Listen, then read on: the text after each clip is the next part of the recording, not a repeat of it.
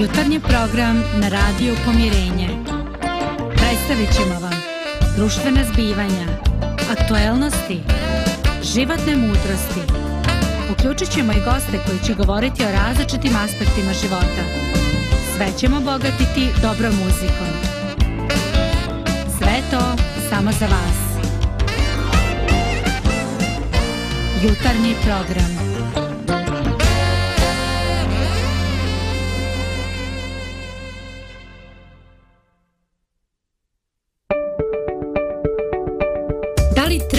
Sreću? Pokreni svoj život i sve vrijednosti društva na opačke. I tada ćeš pronaći sreću. Program na opačke. Lijep pozdrav svim našim dragim slušalcima i gledalcima. Radujemo što ponovo sa vama. Hvala vam što pratite program Radio Pomirenja.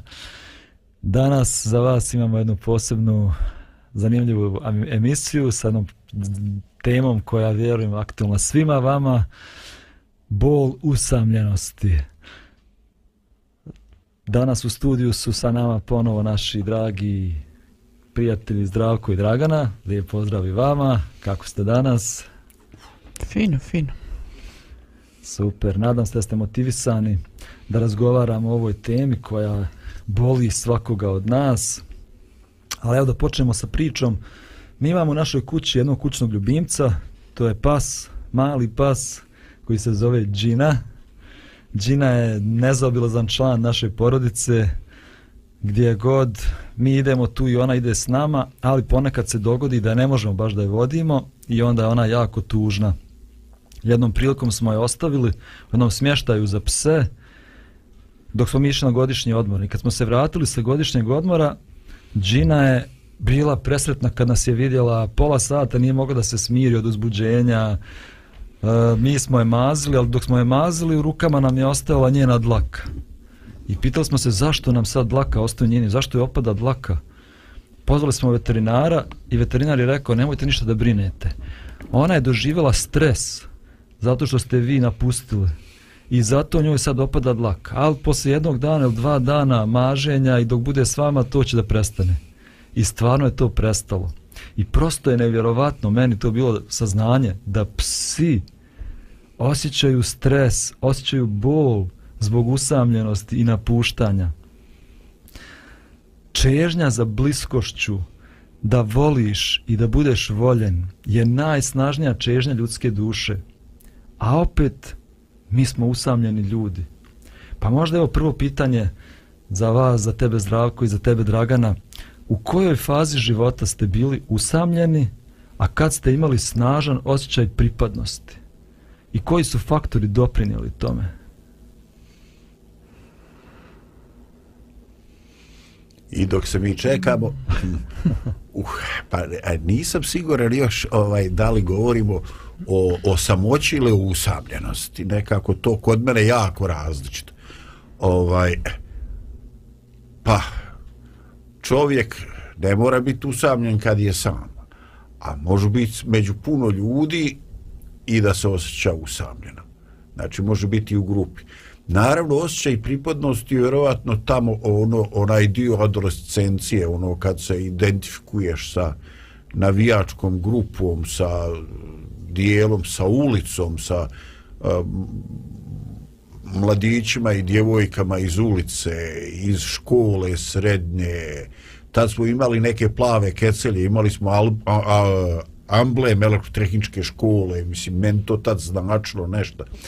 Ovaj, interesantno je uh, da taj osjećaj pripadnosti grupe se vezuje za grupu kasnije kad sam stario to se nije više o, bila neka pripadnost grupi ovaj više je to bilo osjećaj vezanosti za ljude koji su mentalno slični ili imaju neke slične ideale Ok, hvala ti. Da, da, da. Kod mene isto ovaj je sad zavisi kako kad, ne mogu reći baš u životu, da možda, možda to što kažeš to tinejdžersko doba, taj, taj prelaz neki, iz djeteta u odraslu osobu pa još se pronalaziš pa gdje ja pripadam pa ko sam ja pa ovo pa ono znaš kad te, kad te ti duhovi proganjaju ovaj, ovaj ali to to je tako sa svakim, ovaj, znači i, i međusobno smo bili nekako, šta znam, moglo se naći i tada e, ljudi koji su slični, koji će te i oni tebe podržavati, a i ti njih nekako da nađu. I to što kažeš zdravku, to, to je baš ta sličnost sa nekim. Um, pa makar to bila i jedna osobina, ali da je tako izrazita i duboka da tebe E, povezuje nekako, da se zakači za tebe ta jedna jedina osobina, sve ostalo može kod te osobe biti različito. Znači to su ti uh, periodi um, to dok sam sad razmišljala to je stvari uh, ako se s nekim ako kod nekog primijetim istinsku zainteresovanost za mene, evo neću reći ljubav o, nego baš zainteresovanost o, prema meni kao o, ljudskom biću i ako ja imam tu zainteresovanost prema toj osobi o, to neko poštovanje i sve ostalo, znači što ide bilo koje znači ljudsko biće, onda onda će doći do jačeg povezivanja. A ako to nedostaje da li potpuno, da li u većoj mjeri, e onda tu to je nešto tanko, slabo. Mhm. -hmm. Dobro, dobro, zanimljiva je ova naša priča. Zdravko, ti spominjao plave kecelje. Ja sam isto imao plave kecelje u školi kad sam, kad sam išao danas samo u nekim školama imaju dukseve, to sam čuo, nemaju kecelje nego dukseve. U većini škola je vrlo bitno šta si obukao i koje patike nosiš i koje farmerke imaš. U naše vrijeme to nije bilo tako i stvarno smo se osjećali kao dio grupe. I ne znam, i komšije smo poznavali, mi smo se uvijek, komšije su dolazile kod nas, mi smo odlazili kod komšija. Danas u Neboderu gdje postoji, ne znam, sto stanova, niko ne poznaje nikoga e, nekad smo jednom godišnje možda mogli da zovemo rođake u Australiji zato što to bilo užasno skupo i to smo čekali taj dan kad ćemo da ih pozovemo. Danas imamo Facebook, Viber, sve to, a nekako smo manje povezani. Evo, pročitat ću vam jedan citat koji sam pronašao prije nekog vremena. Kaže ovako, milioni ljudi današnje civilizacije su otuđeni, s tugom i bolom iz dubine svog bića žive usamljeno, postoji jedna velika zabluda, psihološka i socijalna prevara da je savremena tehnička civilizacija pomoću brzog saobraćaja, kompjutera, telefona, interneta i slično uspostavila bliži kontakt među ljudima. Međutim, sve je to obmana. Čovjek je danas usamljeniji više nego ikada ranije. Usamljen u svom stanu, kući, na poslu, na ulici, u gradu i selu. Savremeni tehnički jezik lišen je svakog saučestvovanja, emocionalnog, intelektualnog, prijateljskog. On ima samo jedan cilj, sticanje bogatstva. Da li se vi slažete s ovom rečenicom? Da li je savremena tehnička civilizacija, telefon, mobilni telefon, internet, Facebook, Instagram, Viber, da li je to pomoglo nama da uspostavimo bliži kontakt sa ljudima? Ne to nas povezuje, ali nas ne čini bližim. Dakle, e, jednostavno, postoje neki virtuelni identiteti. Znači, postoje neki Facebook ratnici, postoji nešto, ovaj, jednostavno ljudi zatvoreni u neku granicu svoga, ovaj, svoje privatnosti, čak umišljeni da su tu nedodirljivi, e, stvaraju neke likove virtuelne i tako, predstavljaju se na jedan način ovaj, ali e, nećeš mi e, zamiriti, ne želim mijenjati koncepciju. Ne bih htio da zaboravim jednu, jednu neponovljivu sliku iz svoje prošlosti, svog života, vjerujem i, i vas ostalih. Ja ne znam da li se to sada dešava, ali ti si govorio, mi smo se igrali, svi smo se poznavali u komšiluku. I tada je bio problem da dobiješ dozvolu da izađeš vani. A sad je problem da ga isteraš dijete vani, je li tako? I onda ovaj e, nezaboravno je da su e, nekadošnje generacije imali onaj fenomen kad delegacija dječaka i djevojčica pozvoni i pita tatu i mamu može li on izaći da se igra s nama. Znači i onda kad mama vidi ko su ta djeca iz komšiluka ovo i ono i da to nije nešto njegovo nastrana gluposti da reći da razbija prozore tuđe kaže dobro ali ovaj e, nezaboravno, znači to je obojilo naše živote. četvero, petaro musave djece sa naštimanim izrazom molećivim, može li on izaj da si igra s nama? To je ljudi neponovljivo. To je nešto što je obilježilo života nas starijih generacija. Slažem se, slažem se. Sjećam se svih tih mojih drugara koji su molili moje roditelje da me puste napolje. Dragana, ja. jel se ti sjećaš? Ili usput, ajde te pitam, koliko imaš prijatelja na Facebooku? Pa nemam pojma, ali ovaj, birala sam koga, koga ću odabrati na Facebooku. Ovaj... S koliko od njih odeš na kafu? Pa zavisi. Uh, puno manje nego što je, što je broj ovako. Ovaj. Uh, pa možda neki desetak ljudi. Desetak, petnaest, petnaest, de, desetak ljudi možda. Tu negdje. Ti si, ti si fantastična, ti si uspješna. Ja ne, ja ne znam kad mogu da nabrojim na prste jedne ruke ili na dva prsta. Pa da od svih mojih prijatelja, a imam ih, ja mislim, 1300 i nešto mm. prijatelja na Facebooku. A u realnom životu stvarno malo prijatelja. Malo onih s kojima odim na kafu, malo onih s kojima dijelim svoje živote. Ali evo, nastavit ćemo ovu našu priču. Zanimljiva je priča. Danas ćemo doći do nekog rješenja. Ali prije toga čućemo jednu muzičku numeru.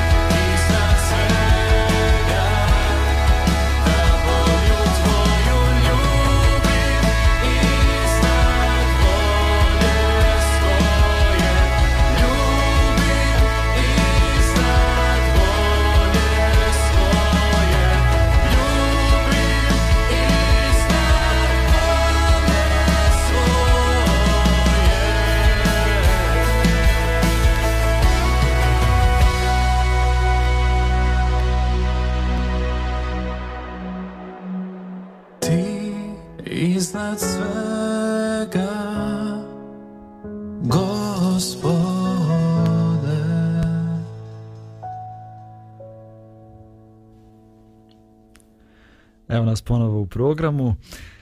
Ja pozivam sve naše drage gledalce i slušalce također da se uključe u ove naše diskusije. Slobodno možete da komentarišete i na Facebooku i na, i na YouTubeu. Sve one vaše zanimljive komentare ćemo i da pročitamo. Tako budite slobodni da se javite. Također želim da vam kažem da se možete javiti i na broj 066 086 821 sa svim vašim prijedlozima, sugestijama, možete se javiti na broj, a možete i uh, poslati poruku, Viber poruku, uh, bit će nam drago da čujemo vaša mišljenja. A evo mi nastavljamo na, dalje našu temu i našu emisiju, govorimo o usamljenosti. Uh, ja sam pročitao neka šokantna istraživanja koja govori o tome da je zajedništvo suštinski važno za naš život – i za naše zdravlje čak. Jedno istraživanje koje su vodili naučnici sa Harvarda pratilo je živote 7000 ljudi u periodu od 9 godina. I ovo istraživanje je pokazalo da najusamljeni ljudi imaju tri puta veće šanse da umru od onih koji su imali čvrste prijateljske veze. Ljudi sa lošim zdravstvenim navikama, poput pušenja, debljine ili upotrebe alkohola – ali snažnim društvenim vezama su živjeli znatno duže od ljudi koji su živjeli zdravim načinom života, ali su bili usamljeni. Drugim riječima, bolje jesti čips sa prijateljima nego brokoli sam. Robert Putnam, profesor sa Harvarda, kaže ako ne pripadaš ni jednoj grupi i odlučiš da se pridružiš jednoj, smanjuješ rizik da umreš sljedeće godine na pola. I evo još jedno istraživanje kaže 276 volontera je bilo zaraženo virusom gripe.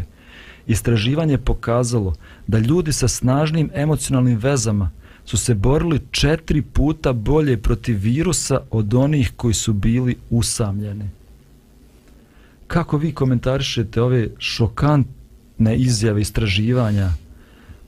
Doktori bi znači trebali ljudima da daju lijekove da im pripisuju članstvo u nekim grupama.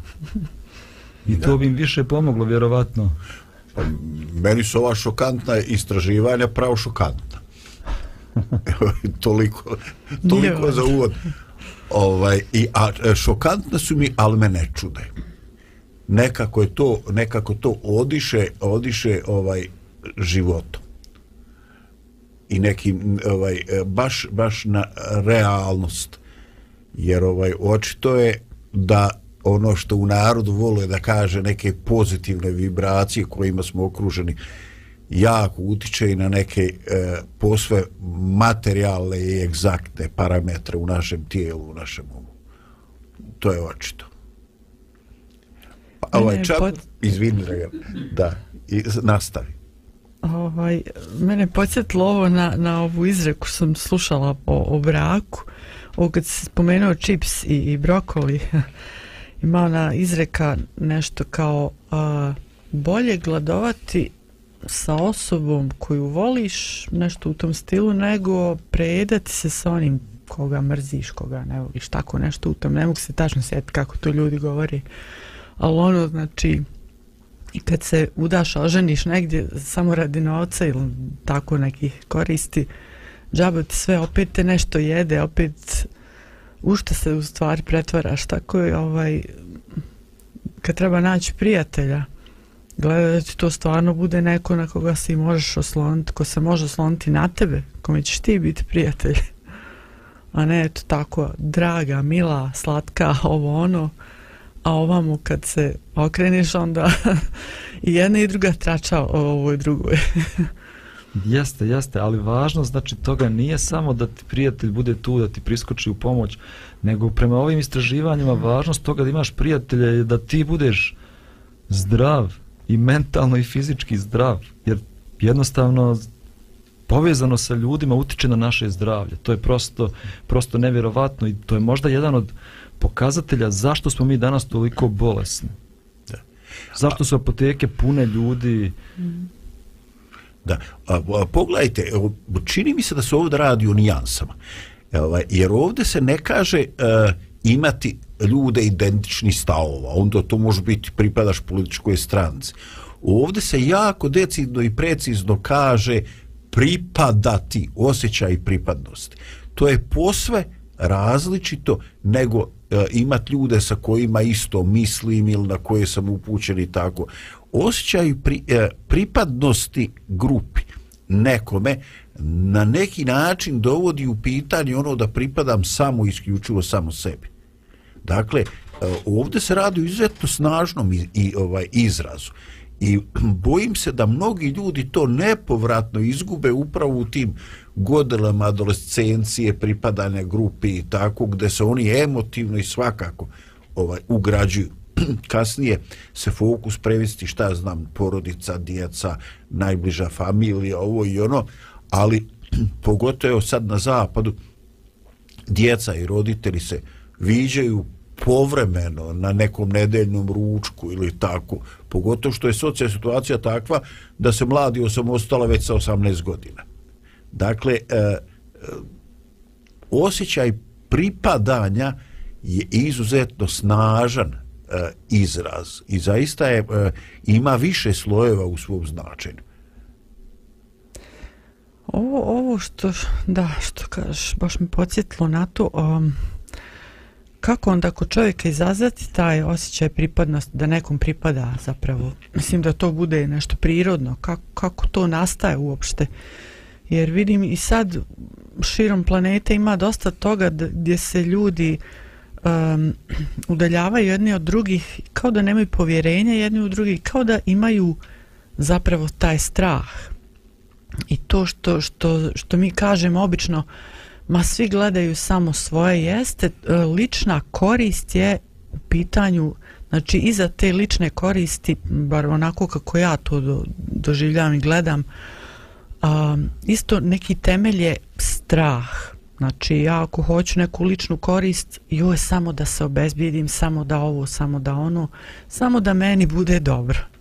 Znači da li ću se ja reklamirati, da li ću se ja... Uh, uh, novčano obezbijeti, da li će ovo svejedno, uglavnom neki strah je u pitanju samo da meni bude dobro, a sa drugima pa dobro može biti, ali glavna sam ja. Tako da taj neki strah izgleda danas vlada među ljudima i mediji to onako postiču tu vatru još više i više.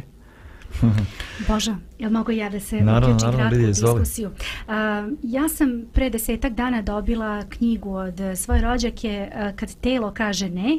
Uh, pisac je Gabor Mate i on u toj svoje knjizi uh, nevjerovatno uh, spaje upravo ovu ideju o kojoj mi sad govorimo. Koliko je psihičko zdravlje u stvari jako bitno i uh, reflektuje se na naše fizičko zdravlje. I onda on kaže da m, naravno on povezuje različite uh, bolesti. Ja sam tek na početku, on je recimo uh, govorio i pisao o Alzheimerovoj bolesti zašto nastaje e, da, da ima i te kako veze sa tim nekim a, psihičkim zdravljem i nekim našim unutrašnjim stanjem i onda on govori a, parafraziraću njegovu rečenicu a, on je rekao da a, osobe koje dobiju takve bolesti su najčešće osobe koje su onako povučene, uvek nasmejane, uvek je sve u redu. Znači vi kada razgovarate sa tom osobom nikada nećete čuti da nešto ne funkcioniše, da ta osoba nešto ne može, nego ona uvek može, uvek je tu, uvek se daje, a onda se pitaš gdje je tu odnos? Znači, ako smo prijatelji i u porodici također, ti moraš da znaš da kažeš ne, ne mogu, ja imam svoje mišljenje, ja imam svoj stav, znači u bilo kom prijateljstvu i u bilo kom odnosu mislim da je to jako bitna stvar, da ovaj, možemo da izrazimo svoje mišljenje i svoj stav kako bismo i eh, svoje zdravlje nekako ovaj, doveli m, u neku normalu, a i da bismo mogli da uspostavimo zdravo odnos sa ljudima. Mm, hvala ti Lidija. E, pa definitivno ja sam najviše osjećao taj osjećaj pripadnosti ili kad sam bio u grupi ljudi koji su imali ista interesovanja, na primjer futbal. znači tu je baš snažan osjećaj pripadnosti. Svi zajedno igramo i imamo cilj da pobjedimo onu drugu ekipu.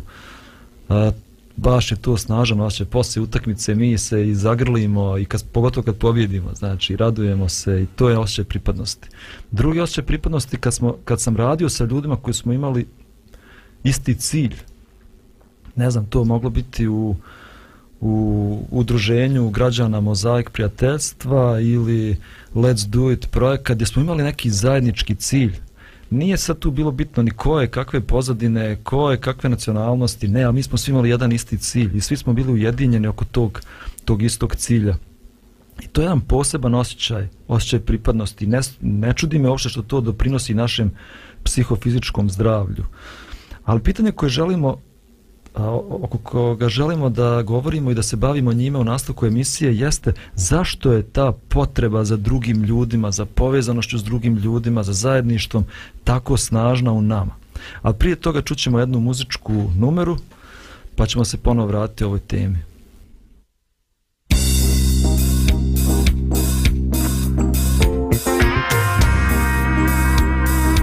Radio Pomirenje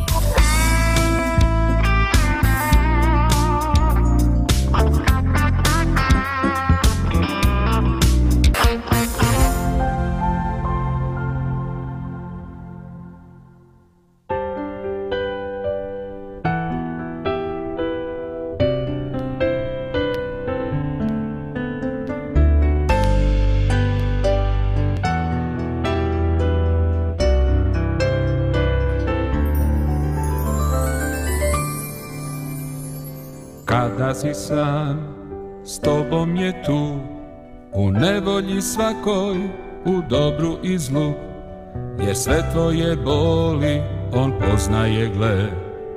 Rado će doći da prigrli te, ako se mrak nadvije svud, ako te život odvede na sprud, ne boj se tada, prizovi ga ti.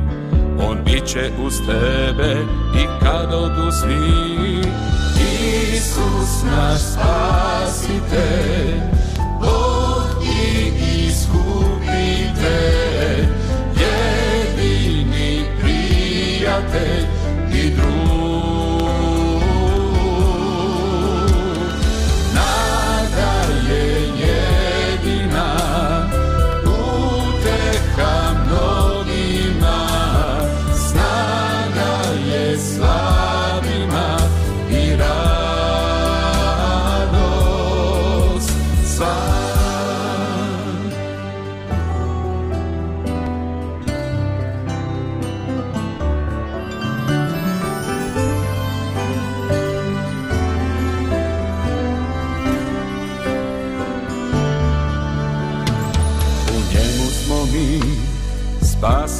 Svi. Od greha i smrti smo izbavljeni Sa njime nam Otac naš daruje sve. Ne boj se zato, On voli te. Isus naš spasitelj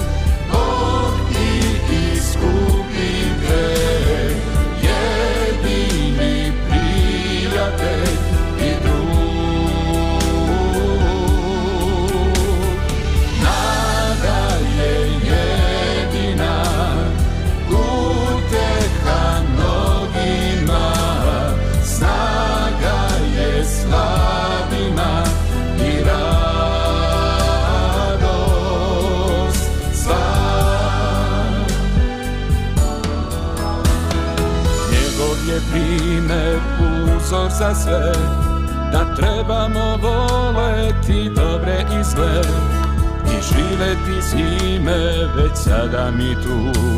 Dok nestane zla kao u snu Isus nas spasite.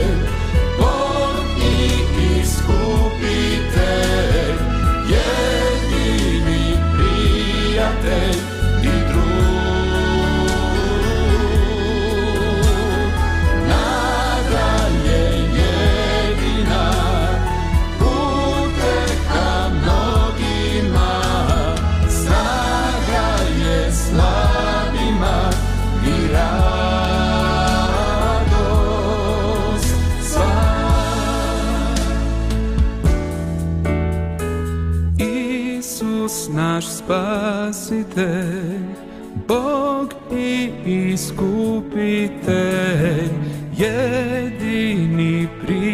prijatelj i drug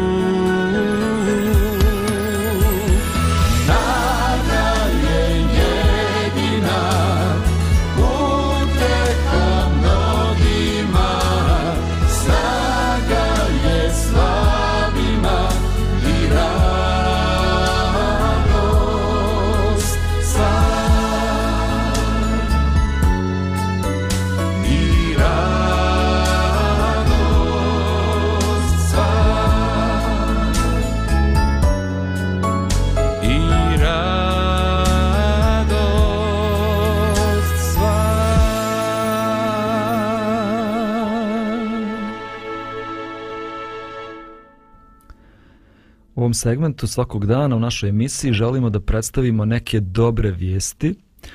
Mi smo bombardovani svaki dan lošim vijestima. Kad god gledate dnevnik, kad god čitate novine, to su uglavnom loše vijesti. Ali u našoj emisiji svakog dana čućemo neku dobru vijest o nekom čovjeku koji radi neke dobre stvari, o nekoj organizaciji koja doprinosi, koja radi nešto dobro.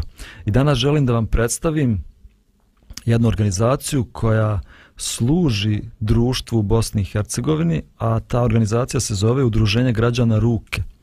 Udruženje građana Ruke je smješteno, njihovo sjedište u Sarajevu, a već od 2012. godine, evo više od 10 godina, organizuju najveće volonterske akcije u istoriji Bosne i Hercegovine, akcije čišćenja divljih deponija smeća i akciju sađenja drveća. Svakog proljeća se organizuje akcija čišćenja u preko 100 opština u Bosni i Hercegovini, a svake jeseni, tamo negdje u oktobru, se organizuje akcija sađenja drveća, također u mnogim opštinama u Bosni i Hercegovini. Ako želite da se uključite, da volontirate u akcijama Let's Do It, to možete da uradite tako što ćete da posjetite web stranicu koja se zove letsdoit.ba, a također možete da otvorite Facebook stranicu Let's Do It, očistimo zemlju za jedan dan, da vidite tamo sve aktivnosti koje se sprovode u okviru ovog udruženja i također da pošljete poruku da se prijavite, da budete dio jedne od ovih akcija u gradu u kome vi živite. Mi nastavljamo našu priču o usamljenosti i o zajedništvu. Pitanje koje, o kome želim sada da malo razmišljamo je zašto je zajedništvo nama toliko važno? Zašto imamo takvu potrebu za drugim ljudima? Zašto nas toliko boli usamljenost? Ja vjerujem da odgovor na ovo pitanje da nas je Bog stvorio sa potrebom za zajedništvom. I ako bismo u jednoj riječi mogli da sažmemo razlog zašto je Bog stvorio čitav svemir, onda ta riječ bi bila zajedništvo. I ovdje dolazimo do ideje o Bogu i treba da se vratimo možda na neki sami početak prije nego što je jedan prije nego što je čovjek stvoren. A to nam uh, ideja o trojstvu može pomoći. Ta ideja o trojstvu da je Bog jedan ali u isto vrijeme i tri. Jedna os, uh, jedan Bog ali tri osobe nam govori da Bog u stvari kroz čitavu vječnost živi u zajedništvu. I zato je zajedništvo toliko bitno za Boga ono što je interesantno kad čitamo sveto pismo jeste da svaka od te tri ličnosti božanstva nesebično ukazuje na drugoga, uzdiže drugoga, usresređuje pažnju na drugoga, a ne na sebe. I možemo da kažemo da Bog postoji kao Otac, Sin i Sveti Duh u zajedništvu veće poniznosti, služenja i uzajamne podređenosti – nego što mi to možemo i da zamislimo. I to nam govori zašto je naša potreba za zajedništvom toliko snažna. Bog je stvorio ljudska bića zato što je želio da uživa u zajedništvu sa njima. Želio je svijet prepun ljudi sa kojima bi mogao da dijeli to zajedništvo. A život unutar trojstva je trebalo da bude šablon za naš život. Ne znam da li ste nekad razmišljali o tome kako taj opis trojstva kao zajednice se razlikuje od vaših ranijih svatanja Boga, njegove prirode, njegovog djelovanja i kako saznanje da si pozvan u to Božje zajedništvo utiče na tvoj život. Jeste razmišljali nekad o tome? o, pa i da šta, meni to liči onako ovaj, e, kao e, kad ti kažeš ja sam neplivač, ma kaže super, nije to problem, onda zgrabiš me ovaj za kupači zgrabiš me za ove hlače i ubaciš me u, ve, u vodu da plivam. Eto ne znam koliko sam spreman ovaj, da plivam u ovako teškim pitanjima ali ako dozvoliš eh, reći ću nešto što možda u mojoj glavi ide prije toga. A to je eh, u knjigama Mojsijevim koje eh, identično E, pripadaju i ubrajaju su sve te knjige i judeo-hrišćanskoj i islamskoj tradiciji jeli, knjige Musa ove, e, imamo izvještaj u kojima kad Bog stvara čoveka kaže i kad stvara svijet kaže dobro bješe veoma. I prva konstatacija koja to dobro je veoma dovodi u pitanje je e, nakon stvaranja prvoga čovjeka Adama ili Adema kad Bog kaže nije dobro da je čovjek sam. Dakle, ništa nije loše urađeno, ali to što je urađeno mora doživjeti svoju puninu, a ona će biti ostvarena kad čovjek ne bude sam. Dakle, to je nešto što u, u čemu se te velike velike religiozne tradicije, monoteističkih religija se ne, ne spore upravo ta izvešta o stvaranju u knjigama Mojsijevim ili Musovim ovaj, da, da je to nešto što je e, za čovjeka, mogli bismo reći, vraćanje na fabričko podešavanje. Mi smo jednostavno tako stvoreni i koliko god mi onako e, často ljubivo kažemo, znaš li ti, brate, da je ovo 21. vijek, vijek e, tehnologije, znanja, humanizma. E, ja nekako vjerujem da je osnovni e, činlac uspješnog života usklađenost sa tim nekim temeljnim ljudskim iskonskim vrijednostima. I znači da je to nešto što je upisano u najdubljem nivou, u najdubljem genu našega bića, da je to naš fabričko podešavanje, naša najdublja potreba. A da sve ostalo su ili neka nadgradnja ili pokušaj da bude da se neka alternativa da često neuspješna. Hvala ti, hvala ti. Da, Dragana, kako pitanje... ti razmišljaš o tome? Podsjetilo me na, na ove slike kako sam ja ranije zamišljala taj moj odnos sa Bogom, ono zvijezdano nebo, ja i on. Jeste da on tamo negdje tu daleko, ali nekako i blizu i osjeća se i ta toplina, ali uvijek smo ja i on tako tu. I onda se iz tog zvijezdanog neba, iz, iz te tame, da kažem iz te noći, vraćam opet u dan i onda odnos sa ljudima i šta znam i opet je to u redu što, što se tiče, mislim ja ću se truti i s moje strane koliko je do, do mene stoji da moje odnose sa ljudima budu kako treba, ali svejedno a, dok kasnije nisam vidjela u stvari da spoznala da, da, da Bog je stvarno društveno biće i da on želi da ima uh, odnos i sa onima koji su iste vrste kao on i sa nižim bićima, znači svojim stvorenjima i dok me to nije onako pogodilo u sred uma, e onda nisam ga zapravo shvatala šta je stvar suština uh, mog života. Nije samo uh, teoretisanje o Bogu ili ne znam da se ja obraćam njemu, nego jednostavno upravo taj odnos između mene i Boga i, me, i mene i ostalih njegovih stvorenja. I Bog je ugradio, mislim, po mom ovako mišljenju, da imamo tu potrebu za nekim koje je naše iste vrste, znači ne samo potrebu za višim bićima kao što je Bog ili nekim nižim kao što su životinje, nego čovjek ima potrebu za čovjekom, da ima odnos, da ima vezu neku sa, sa drugim ljudskim bićem. Mm Hvala ti, hvala ti, baš, baš je ovo fantastično što si ispričao Bog kao društveno biće, koji je stvorio nas kao društvena bića. Inače, sad sam se sjetio da riječ šalom ili selam, koja se koristi u većini religija, ne znači samo mir, nego znači povezanost Boga, ljudi i svega stvorenog u pravdi, ljubavi i sreći. Činim se, tako sam negdje pročitao. Ali zanimljivo je ovo što si ti zdravko spominjao. Znači, Bog koji cijelu vječnost živi u zajedništvu, stvara čovjeka. I ti si već citirao taj tekst na početku tog izvještaja o stvaranju, kao jedna pjesma svaki dan. Uh, I reče Bog, i bi i vidje Bog da je dobro. I svaki dan pjesma se nastavlja i reče Bog i bi i vide Bog da je dobro. I zadnjeg dana stvaranja, vrhunac stvaranja, Bog stvara čovjeka po svom obličju i pjesma se zaustavlja. I Bog kaže nije dobro. Šta nam to govori o našoj potrebi za drugim ljudima? Šta nam to govori o usamljenosti? Sam taj prvi izvještaj o stvaranju. Da. Ovaj, pa očito da me ti natrag vraćaš ovaj, na ovo razlikovanje e, samoće i usamljenosti. Biti sam je usam, ovaj, biti sam je jedan pojam, dakle, a usamljen može biti među ljudima. Ovaj, očito je da nama nije dovoljno da nismo sami. Znači, e, ono što se od početka stavlja akcerat na pripadnost. E, mi moramo se osjećati dio nečega, ta neka sudborosna, emotivna povezanost sa ljudima. Sad mi biramo na kom će to, na kom nivou kolektiviteta će to biti.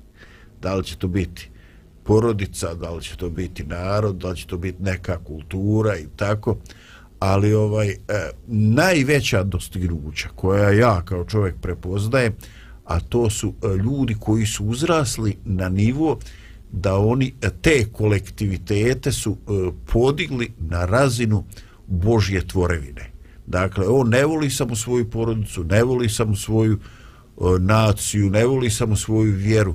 Ovaj, to je čovjek koji voli Božju tvorevinu. I kad to kaže, onda znači sve ljude, sva Božja stvorenja i svu prirodu, pogotovo kad su pojavni oblici života, u, kad je u njih uvrštena i patnja.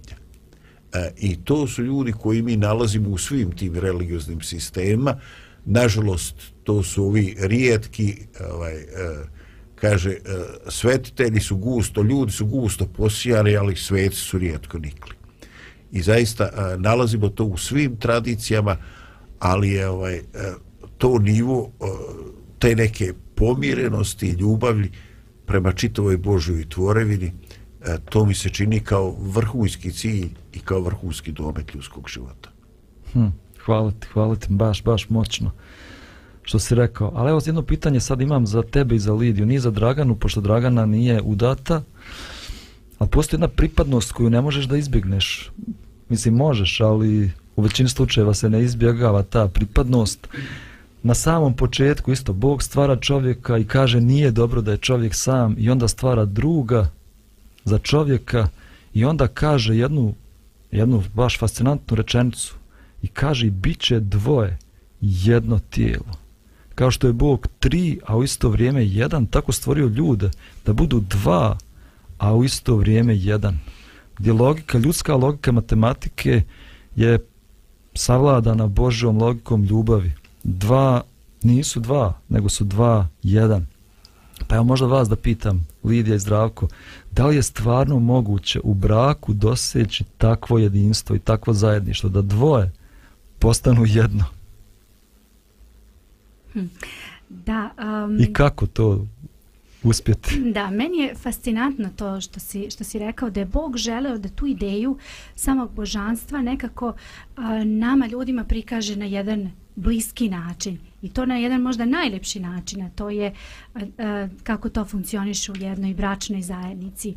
A, da li je lako? A, pa ja bih rekla jeste i nije. Sve zavisi znači zavisi od konteksta od situacije od različitih aspekata zavisi.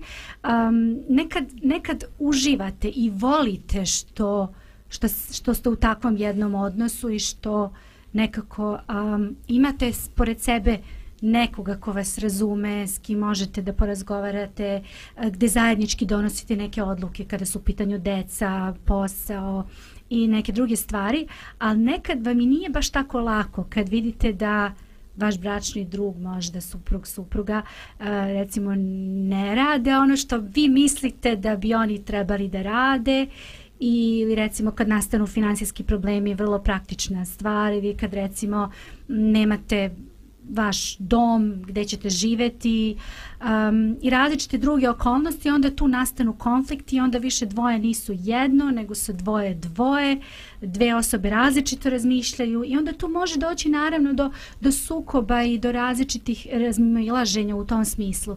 Ali um, ja smatram da, da u, u svakom odnosu treba na sva, um, kad je u pitanju svaki odnos treba raditi znači na tom odnosu i na uspostavljanju te neke ponovne zajednice jer sasvim je normalno da dođe do neke vrste razmimo ilaženja ali je jako bitno znači raditi, raditi, raditi, konstantno raditi na tome da to sve funkcioniše kako treba. To je možda u najkraćim crtama priča dugačka.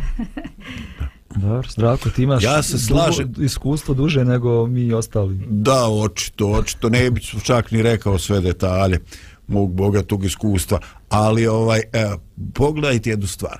Inženjeri naprave dva zupčanika koji se fantastično uklapaju. I kad se ti zupčanici pokreću zajedno, što su oni savršeni, to su tiši. Nema buke, nema lupanja. I to su ovi novi automobili, radi, pored toga ne čuješ ga da ide. Dakle, to je savršeno uklapanje zupčanika. To je savršen zajedničko funkcionisanje.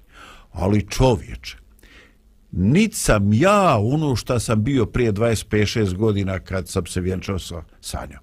Niti je ona ono što smo bili. Naša promjena nije samo promjena fizička. Mi smo se psihički mijenjali. Dakle, stvar je mnogo komplikovanija nego što izgleda. Ili možda uopšte nije komplikovana, ne znam što da vam kažem. Dakle, ne postoje, neko će reći, samo ti odaberi na početku kako treba, pa će sve kasnije biti lako. Ma neće.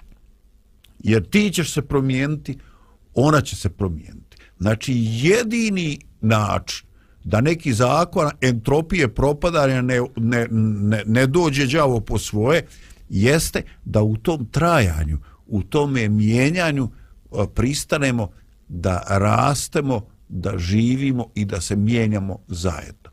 Dakle, e, e, brak je na neki način definitivno odricanje od nekog svog autonomnog puta. To znači ja se na određeni način e, mijenja u ono što se zove mi. Jer u suprotnom neko će se udaljiti. I, ovaj, e, I tu je najmanje važno što mi možda nećemo biti ovaj e, lijepi kao što smo bili prije 25 godina. I neće ta veza počivati na tome. Ali ovaj... E, Znači, postoji mnogo tih aspekata života gdje je to ovaj neminovno i gdje se ljudi stvarno vezuju, iako se mijenjaju. Hm, hvala ti. Znači, već smo, već smo to i rekli da jedino na koji način dvoje mogu da postanu jedno, to jest bračni drugovi da postanu jedno, ako prihvate šablon Božjeg života, a to je nesebično služi drugima, uzdiži drugoga, a ne sebe, služi potrebama onog drugoga, tada dvoje mogu da budu jedno. Ali evo ćemo napraviti još jednu malu pauzu pa ćemo pokušati da zaključimo ovu našu priču na kraju emisije. Pouzdanje daješ mome koraku, noge mi više ne posreću.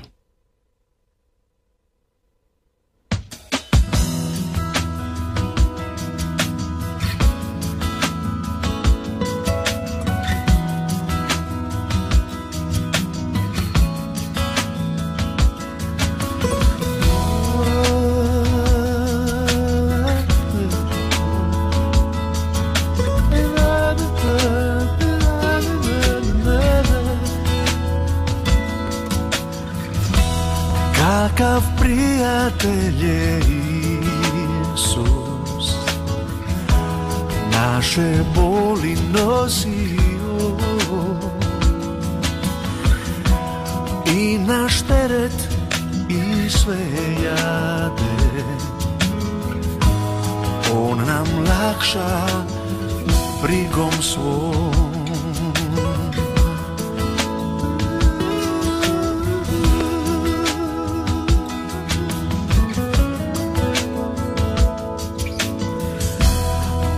Ako dođu kušnje teške Pa te boli duša stok. Ti ne gubi nikad nadu Jer nam mir svoj nosi Bog. Prijatelja vjernog znaš li ćeš svoje tuge reći To je Isus što nam uvijek zna. Naše boli nosi sve.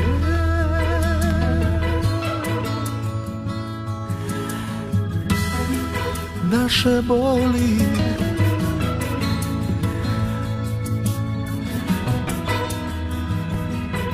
Naše boli nosi sve.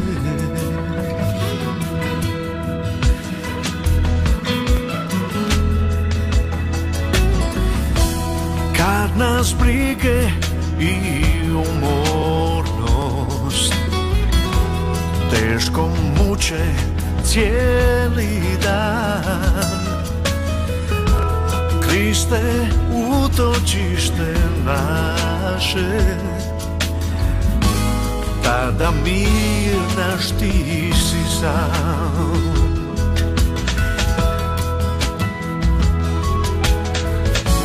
Prijatelja vjerno Znaš li Kom ćeš svoje tuge već?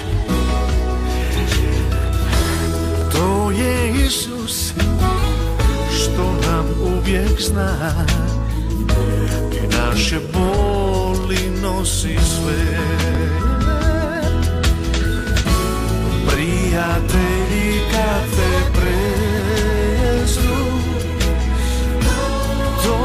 žrtvu Bogu daj On će uzeti za ruku Utjeha će biti znaj. On će uzeti za ruku I utjeha će biti znaj. Utjeha tvoja Utjeha tvoja.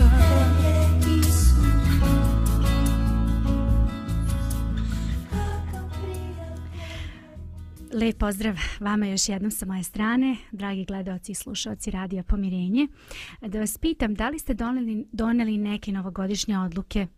Možda jedna od najčešćih novogodišnjih odluka je ona koja se tiče našeg zdravlja, da ćemo više da provodimo vrijeme na čistom vazduhu, da ćemo na vrijeme leći u kreve, da ćemo zdravije da se hranimo i tako dalje.